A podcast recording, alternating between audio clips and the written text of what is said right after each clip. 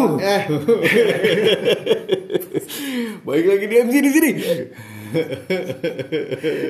Nggak siap kan lo? Assalamualaikum warahmatullahi wabarakatuh. Waalaikumsalam warahmatullahi wabarakatuh. Aduh, ternyata kau bisa main sekotor itu.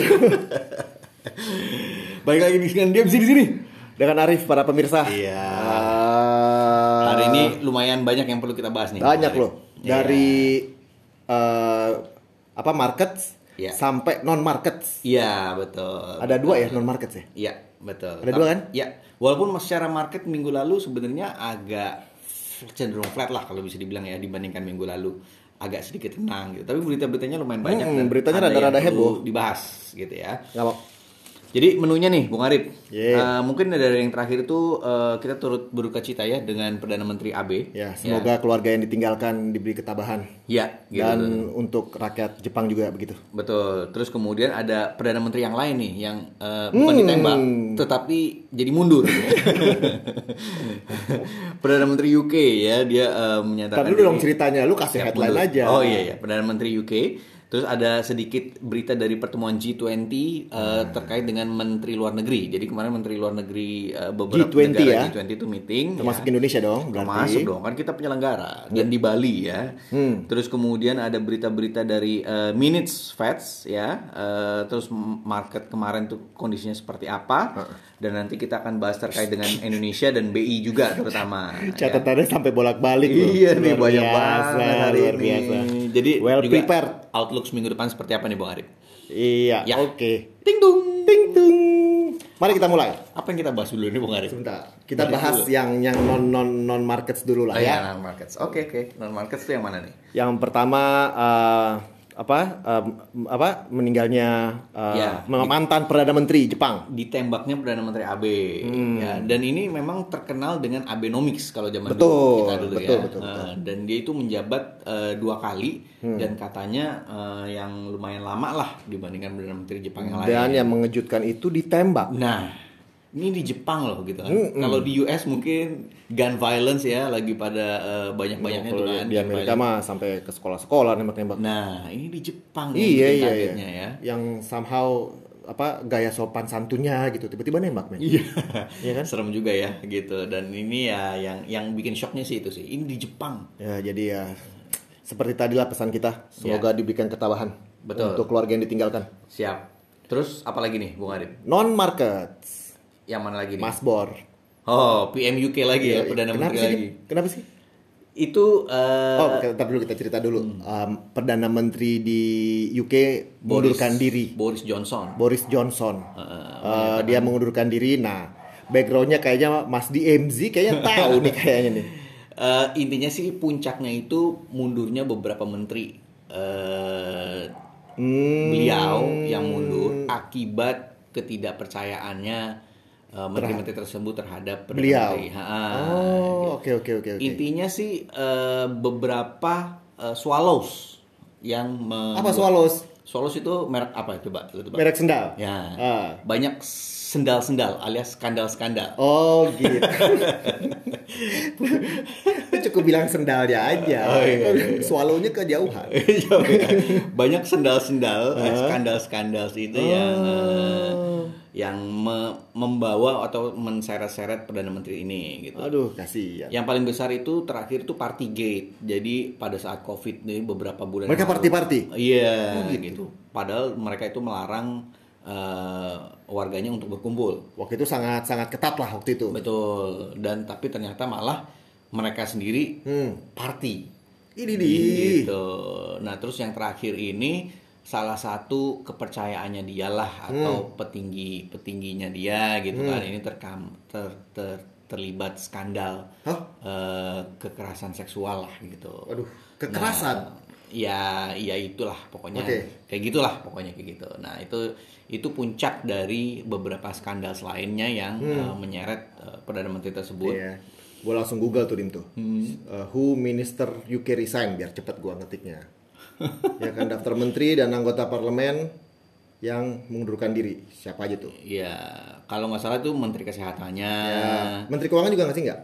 eh, nggak tahu pokoknya beberapa menteri penting lah sampai jumlahnya itu banyak gitu Nih, nggak cuma satu Daftar menteri dan anggota parlemen yang meninggalkan jabatan mereka dan mengundurkan diri. Tuh, Menteri Kesehatan, Menteri Keuangan, Menteri Urusan Sekolah, Menteri Bagian. Wah, banyak dim. iya makanya Wah, banyak banget men. 1, 2, 3, 4, 5, 6, 7, 8, 9, 10, 11, 12. Betul. Dan eh, per terakhir sepertinya katanya Boris Johnson ini masih akan stay sampai dengan Hmm. Ada eh, caretakernya. Ada pemilihan di partainya tersebut. Jadi eh, sistem di UK ini menarik. Pemimpin partai dari partai yang menang itu akan menjadi perdana menteri. Gitu. Nah, jadi sekarang intinya partainya sendiri ibaratnya kayak eh, PDIP nih sekarang ya. Hmm. Ah. PDIP sekarang akan menentukan siapa pemimpin partainya itu. Oke. Gitu. Nanti pemimpin partainya itu akan otomatis menjadi Perdana Menteri. perdana menteri karena partai itu lagi berkuasa Oh, atau berarti pergerakan politik di partai di sana lagi keras Oh, sekali. betul, Ya kan? betul. Ibaratnya kayak di sini tuh Golkar. Golkar itu kan eh, partai pemimpinnya kan nggak nggak apa ya nggak nggak kalau PDP Megawati lah. Hmm, hmm. Demokrat udah Kelihatan. SBY Hmm. ataupun penggantinya anak-anaknya Hmm. gitu kan. Hmm. Nah kalau Golkar itu kan dinamikanya kenceng. Betul. Gitu. Nah ini kurang lebih seperti itulah. Oke, Gitu. oke, oke. Nah, Jadi katanya eh, dia akan di sana sampai tiga bulan, Hmm. tetapi partainya sendiri sekarang udah kasak kusuk. Oh, Nggak pasti. mau tiga bulan. wah, lebih cepat lagi. Cepet-cepet lagi. Wah, Gitu. jangan sampai dia party-party lagi kan. gitu. Itu sekilas ter- terkait dengan perdana menteri Wah, UK lah ya. Ini menggerakkan market tidak? So far eh, sepertinya yang lebih penting stance-nya dia terhadap Ukraine lah ya. Hmm. Tapi so far kalau misalnya same partai, Hmm. biasanya kan otomatis kebijakannya nggak jauh-jauh. Hmm. gitu jadi harusnya nggak akan menyimpang terlalu jauh sehingga nggak akan berdampak terlalu negatif terhadap market Nah, itu apa namanya? uh, update-update kita mengenai Hmm. yang non markets. betul Nah, sekarang kembali pergerakan dulu ya kita lihat dari kembali ke market seperti biasanya. kembali ke market Eh, saham Indonesia itu turun di Betul, awal-awal betul, minggu. betul. Jadi awal minggu itu memang beritanya itu masih terkait dengan fear of recession. Betul. Takutan akan resesi yang terjadi di US yang akan berdampak terhadap global. Hmm. Ya. Jadi eh, oil itu bahkan sempat turun loh. Oil aja yang 100-an ke atas itu sempat berada di bawah 100. Ya. Akan eh, khawatiran akan terjadinya resesi. Sehingga orang-orang sampai nggak bisa beli minyak. Iya, jadi kalau misalnya Gitu resesi kan berarti Demand-nya jadi eh, turun, kan? Demand akan oil akan turun. Hmm. Terus kemudian dolar itu eh, sampai rally dari dolar indeks ya kita lihat dolar indeks. Hmm. Dolar Ini indeks. Hmm. indeks yang mengukur penguatan atau pelemahan dolar, pergerakan dolar terhadap sejumlah mata uang. Hmm. Itu biasanya di 100-an, terakhir itu 105, itu minggu kemarin bergerak ke 107. Tujuh, betul. Gitu. Jadi itu yang membuat market kelihatan ya, eh, fear of recession-nya cukup tinggi sehingga mereka banyakkan megang dolar. Ya. Gitu. Itu di awal minggu Hmm. gitu. Di awal minggu itu di tanggal 4 eh, pada tepatnya eh, o- untuk eh, GCI lokal saham, saham lokal IHSG, ya. IHSG. IHSG itu eh, ditutup di 6638. Ya, betul. Ya kan? Jadi itu padahal eh, dia sempat menyentuh level tertingginya tuh di 6780 nih. Betul. Minggu lalu kan kita sempat forecast ya. Hmm. Kelihatannya kita nunggu dulu market Senin seperti apa, baru kita lihat pergerakannya nanti seperti apa. Kalau Nah. misalnya hari Senin turunnya cukup dalam, wait dulu. Hmm. Dan ternyata memang cukup dalam, kan? Iya, ternyata dianggap cukup dalam. Walaupun memang akhirnya pada weekend kemarin itu akhirnya ditutup lagi di atas 6700. Iya, Nah, betul. apakah kita bisa bilang 6700 ini adalah level yang sangat kuat untuk nanti di- kita bahas pada Siap. pergerakan minggu depan. Oke, nah untuk eh, perkembangan eh, obligasi. Nah, kalau untuk obligasi sendiri, saya ngomongin obligasi pemerintah yang eh, 10 tahun lah ya. Nah, untuk obligasi pemerintah yang 10 tahun itu di eh, minggu lalu ya seperti yang Bung Dimas eh, bilang tadi Ya. eh, cenderung flat. Betul. Cenderung flat. Dibuka di 728 saya ngomongin yield untuk yang 10 tahun di kisaran 7.28 dan ditutup di 7.27. Walaupun level tertingginya itu sempat menyentuh di atas 7.3 lah ya. Eh, tapi somehow eh, at closing eh, mereka manage untuk eh, tutup di 7 poin eh, di bawah 7.3 berarti di 7.27 terakhir. Betul. Kalau IHSG sih memang pergerakannya lumayan dahsyat ya turun, bukan dahsyat sih, tapi maksudnya lumayan eh, Hmm. mengejutkan sih gua. signifikan. lah. Ah, gua agak mengejutkan terus sampai gua kirimin lo foto kan. signifikan turunnya tapi setelah itu marketnya agak kalem Ya, jadi IISG itu memang pergerakannya eh, di hari Seninnya memang memberikan warning untuk kita stay dulu, stay away Ya. maksudnya. Ya, eh, tapi setelah itu dia agak flat. Dari Ya. sisi rupiah itu memang nggak bergerak jauh dari eh, mendekati ataupun ngetes level 15.000 ya. Sempat nyentuh kan? Oh, udah lebih. Nah, betul. Sempat menyentuh tapi nggak lama, Bung Ari.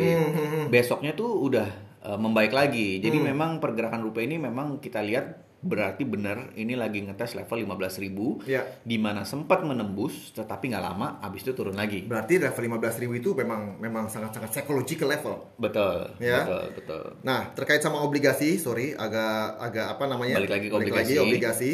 Ada lelang kan? Ya. Ada lelang di minggu lalu tanggal 5. Nah, ini eh, apa incoming bids yang masuk itu 25,98 miliar eh, tri- eh, triliun. Lalu diserapnya itu totalnya adalah cuma 13,8. Ya. In terms of dana yang diserap sepertinya turun dibandingkan dengan yang Betul, lalu, ya. betul. Ini tapi sekali lagi membuktikan bahwa eh, Pemerintah pemerintah komit- komit banget menjaga menjaga yield, betul. Dia nggak peduli lah, pokoknya gue nggak butuh-butuh amat kok intinya kayak gitu. Oh nanti ada backgroundnya lagi tuh, Oh, ya kan? luar biasa. Oke, lanjut Dim. Kita agenda kita padat tuh hari ini. Padat loh. nih Padat, ya. padat, nah, padat. itu pergerakan di awal minggu, tapi juga ada berita yang menarik nih, Hmm. Bung Arif. Kita eh, mungkin ntar kita bahas di pas masuk Indonesia aja ya. Hmm, Tapi di awal minggu seperti itu ya. Jadi masih marketnya masih sentimennya negatif, Hmm. tetapi yang menarik adalah kita kan memang menantikan eh, moms minutes dari Fed meeting. Nah, silakan. Nah, ini Fed meeting ini hasilnya itu sebenarnya menurut gua eh kalau gue lihat sebenarnya tetap sentimennya negatif ya, tapi abis itu marketnya justru agak kalem. Walaupun Hmm. di minus itu sebenarnya eh, Fed ini mereka tetap solid ya, intinya mereka akan mengkonten inflasi apa pun jelas, caranya. message-nya jelas. Ah, dia bilang akan tetap solid dan akan eh, tetap proyeksinya mereka akan menaikkan suku bunga Hmm. gitu jadi mereka akan tetap battle inflasi yang mereka melihat inflasinya ini akan akan eh, tetap berkepanjangan intinya Walaupun gitu. akibatnya resesinya sudah lah. betul bahkan jika memperlambat eh, pertumbuhan ekonomi US Hmm, ya sudah. Berarti Gitu. mereka mereka mempertaruhkan uh, uh, fighting inflation betul uh, walaupun harganya adalah sebuah resesi. betul tapi yang menarik setelah minutes Oh, banyak yang menarik ya. Dari tadi menarik terus. yang aneh lah kalau gue bilang aneh marketnya justru nggak bergejolak gitu loh marketnya justru kalem gitu karena mungkin mungkin ya nggak ada nggak ada yang baru dari Ya, karena apa udah yang well- bisa mereka lakukan Dan udah well expected. betul Ya karena kan? intinya kan oh berarti ini kembali lagi ke 75 basis point market Nah, di jadi meeting jadi sepertinya uh, apa information yang diberikan oleh the Fed itu juga berarti sangat berguna untuk market. betul Ya, jadi sudah banyak uh, yang asal nggak gocek aja lagi. Iya. Iya kan? Intinya ya eh, senjatanya 75 basis point lagi Betul. kenaikan dan itu memang sudah di price in sebagian ataupun pelan-pelan Hmm. eh, oleh market sehingga nggak ada yang kaget lagi. Oh ya udah berarti 75 basis point nih sepertinya Ya. gitu. Dan eh, yang menarik dari eh, setelah minus tadi ya itu memang marketnya malah justru agak calm, Hmm. justru agak eh, tenang gitu kalau misalnya kita lihat pergerakannya. Oke, nah kalau apa namanya uh, terkait dengan pergerakan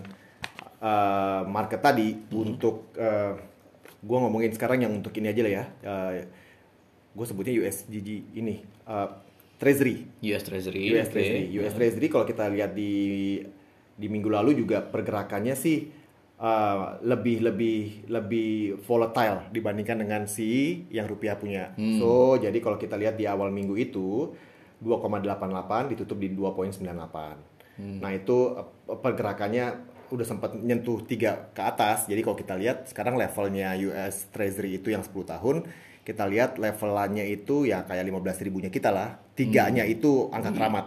Iya, betul betul. Yang menarik juga data-data Amerika kemarin itu sebenarnya cukup oke lah di tengah inflasi yang tinggi. Ya. Unemployment rate itu masih tetap di 3,6 persen. Terus kemudian non farm payroll-nya juga eh, angkanya cukup solid lah gitu. Oke. Walaupun memang agak turun, tapi cukup masih oke lah gitu di tengah-tengah kondisi seperti ini. Dan itu mungkin yang membuat marketnya juga agak tenang. Hmm, Nah, gitu. eh, untuk eh, yang ada itu adalah terkait dengan eurozone dim. Itu highlightnya tuh ada gitu. Eurozone itu eh, Eurozone lagi Euro Euro. Euro itu udah ngomongin at par kemarin sama si uh, US dollar levelnya Euro Level apa nih? level euronya Euro Euro currency. Heeh. Nah, itu karena uh, udah turun ke level 20 tahun terendah terakhir. Oh, mata uang euro. Mata uang euro. Memang kalau misalnya lihat pergerakan dari dolar tadi yang kita sebut ya bahwa dolar indeks itu pun naiknya lumayan. Hmm. Ya. Euro GBP itu memang turunnya lumayan. Ya. Dan yang menarik justru ini adalah opportunity sih kalau gue bilang eh, untuk mata uang tersebut. Hmm. Jadi kalau- GBP euro kalau teman-teman punya dolar itu menarik sih buat di collect. Berarti kita long euro. secara grafik iya. Hmm, ya betul. long euro atau long uh, sterling misalnya. Iya. Hmm. Betul, betul. Nah, lalu juga kalau kita lihat harga emas, Hmm. ya harga emas juga ternyata ternyata Turun setelah kita ngelihat si harga saham turun, Hmm. uh, uh, obligasi juga turun, langsung kan gua ngecek harga emas. Hmm. Harga emas ternyata turun. Iya, betul.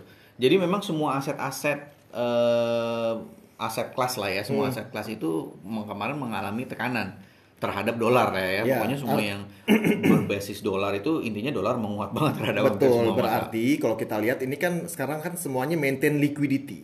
Ya, Maintain high liquidity. Hmm. Artinya nggak masuk ke even ke yang market-market lima tahun aja udah nggak masuk. gitu. betul, betul. Jadi masuknya itu ke mungkin yang uh, kita selain kita ngomongin sama retail-retail, nasabah-nasabah, ini even ke institusi-institusi yang udah udah udah level banks misalnya.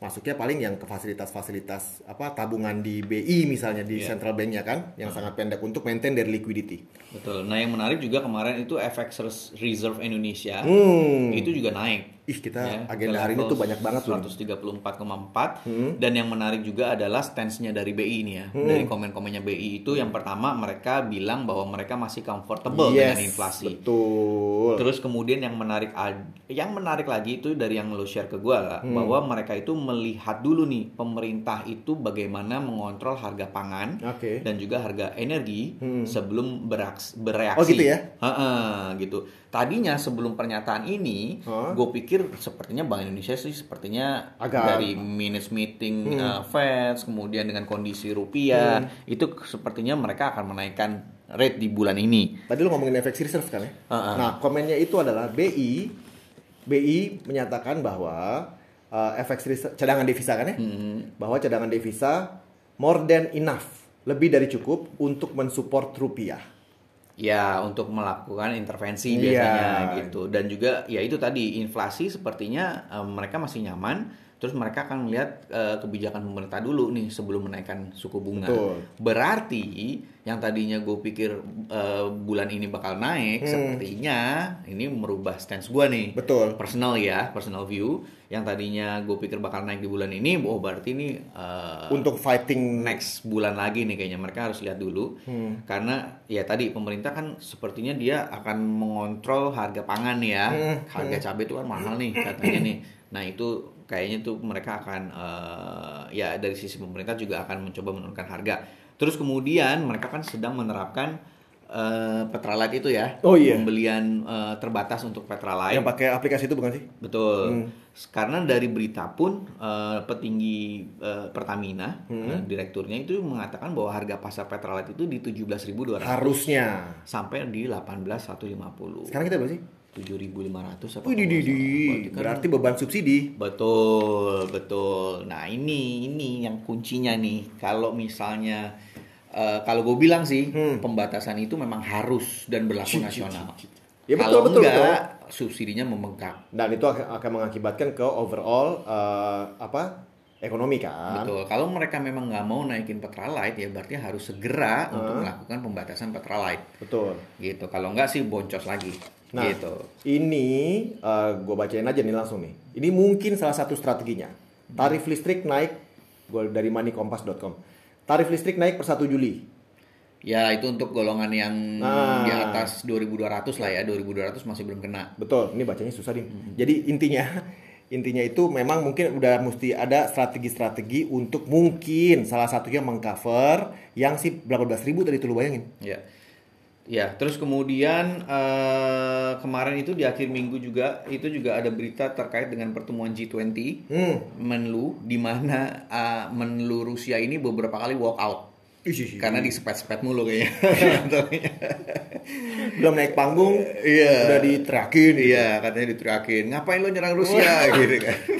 eh, nyerang Rusia, nyerang Ukraine. Kata dia pas naik, dia lagi ngomongin perekonomian gini, langsung ada nanya, kenapa nyerang Ukraine? Semua- Semuanya nanya gitu semua. Iya. Jadi bete dia. Iya, dan dia beberapa kali walk out, sesi Hmm. pagi walk out, terus katanya sesi sore walk out gitu. Dan ini ini penting ya karena berarti ini bisa jadi memicu Mas Putin untuk bereaksi. Lu kan tadi kasih gua headline tuh. Apa dia ngomong? Eh, jadi intinya sih menteri eh, ya intinya gini Eh, dari dia balik lagi dulu ya berarti sebelum itu pun sebenarnya Rusia itu sudah menguasai 20% dari lahan pertanian di Ukraine. Enggak, gua langsung bacain aja ini ya. Headline dari Kompas dulu, nih. tar dulu, itu nggak- tar dulu dong. Ini seru soalnya headline Iya, tar dulu. Itu kan du- ini ya. Jadi sebelum meeting itu eh, Rusia sudah menguasai 20% lahan pertanian di Ukraine. Ya.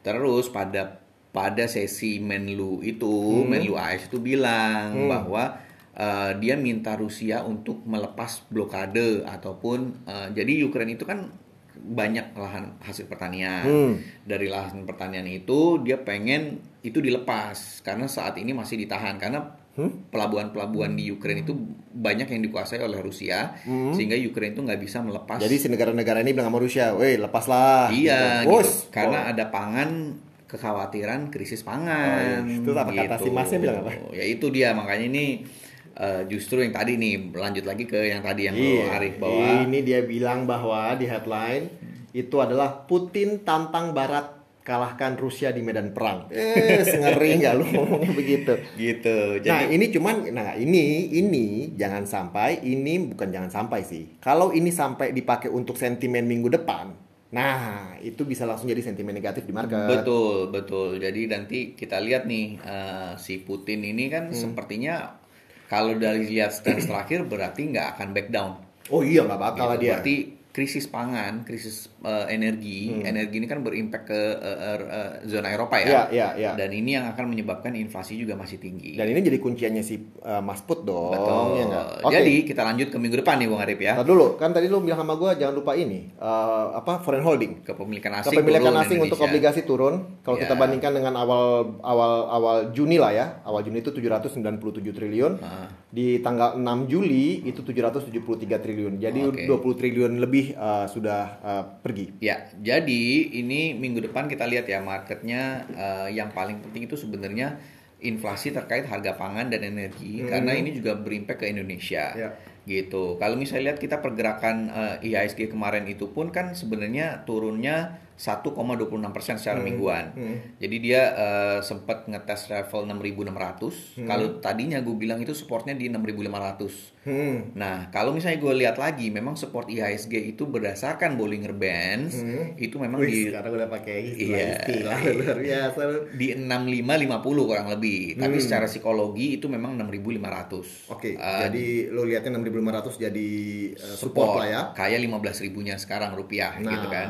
Nah, secara harian memang kemarin itu SG itu reboundnya aja di 1,32 persen. Hmm, Berarti memang di awal minggu kan turunnya lumayan tuh ngetes level 6.600 kan yang Ya. tadi gue bilang. Jadi kalau misalnya gue lihat minggu depan sebenarnya ini eh, menarik nih. Kalau misalnya kita lihat pergerakan IHSG menjauh dari 6.500. Hmm. Menurut gue sih ini menarik gitu. Kalau gue punya duit sekarang itu gue akan masuk Oh, gitu. Karena kalau gue lihat kunci memang potensi penurunan masih ada ya. kan itu banyak. Ke udah masuk semua masalahnya gitu kan. Fully invested. Fully invested. Nah, kalau misalnya sekarang teman-teman yang belum masuk, mendingan masuk. Karena kalau gue bilang turun 6.500 dari level sekarang itu kan 6.740. Hmm. Turun ya berarti sekitar seribuan eh seribuan, seratusan lah ya. Hmm. Tapi potensi upside-nya ke 7.000.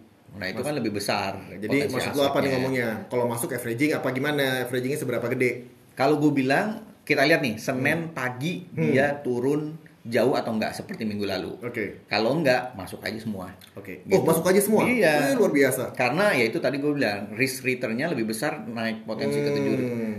Ke tujuh ribunya itu kan lebih banyak dibandingkan dia penurunannya ke Hmm. enam ribu lima ratus. Apalagi kalau ditambah lagi dengan longer term view. Ya dan ja- tapi jangan expect juga tujuh ribu dalam waktu dekat. Oh, ya. makanya gue bilang. Betul. Nah, Terus terus Dim ada ini Kalau ini strategi? rupiah itu juga eh, sepertinya kita akan lihat dulu wait and see Hmm. eh, ngetes level 15.000 seperti apa eh, kuat atau enggak. Tapi kalau misalnya dilihat dari FX reserve, Hmm. terus BI yang bilang dia kuat untuk menjaga stabilitas Hmm. rupiah, Paling nggak untuk bulan ini berarti dia akan menjaga benar-benar di, di 15.000 15.000 ini. Nah, berarti kalau untuk teman-teman yang lagi punya portfolio US dollar, Hmm. punya cash US dollar lah ya. Ya lumayan kalau butuh-butuh rupiah bisa ditukar. Levelnya lagi menarik. Betul, betul. Nah, kalau punya dolar juga yang tadi gue bilang ya GBP eh, Oh iya iya betul betul betul menarik. betul betul. Nah kalau untuk obligasi sendiri, obligasi sendiri gua ngelihat ke depannya eh, kalau eh, si cerita si Mas Putin tadi itu dipakai akhirnya jadi resentimennya naik, so kita untuk range gue masih ngeliat di 7.2 7.5. Nah, tapi gua lebih ngelihat arahnya, my personal view ya, arahnya yieldnya mestinya agak naikkan. Hmm. Agak naikkan. Jadi mungkin ke 7 ya sampai ke 7.6 misalnya gitu. Tapi Ya. apakah itu kejadian di minggu depan sepertinya enggak. Enggak. Walaupun eh, kalau gua ngelihat basis dari dibandingkan dengan minggu lalu, harusnya minggu depan yieldnya udah agak lebih tinggi dibandingkan dengan minggu lalu. Ya, 735 lah paling ya. Ya, sekitar lebih. segitulah mungkin. Betul. Nah, ya itu tadi ya. Jadi teman-teman sekali lagi untuk KSG lihat nih Senin pagi kalau misalnya dia masih anteng-anteng di level 67 ya 6600 dia nggak sampai ke 6500 menurut gue sih eh, waktunya belanja. Oke. Sedap, So, keren nggak ngomongnya? untuk teman-teman, eh, teman-teman sekitar kita juga udah mulai banyak yang positif-positif COVID, Hmm. ya. Jadi eh, again, jangan lupa eh, COVID protokol, pakai masker, jaga jarak, Ya. tetap dijalankan gitu ya. Jadi semua, semoga semuanya tetap sehat. Ya. Udah ya, banyak banget Ya. ya kita udah 26 menit loh Ya, kita. betul. Ya, Siap, siap, sip. siapin peluru, lihat Senin. Kalau ada, kalau aman, sikat. Oke. Kalau Oke. salah, mohon maaf. kita mau maaf maafin di depan. Oke, semuanya teman-teman, Ya, semuanya tetap sehat. Bye bye. Thank you, bye-bye.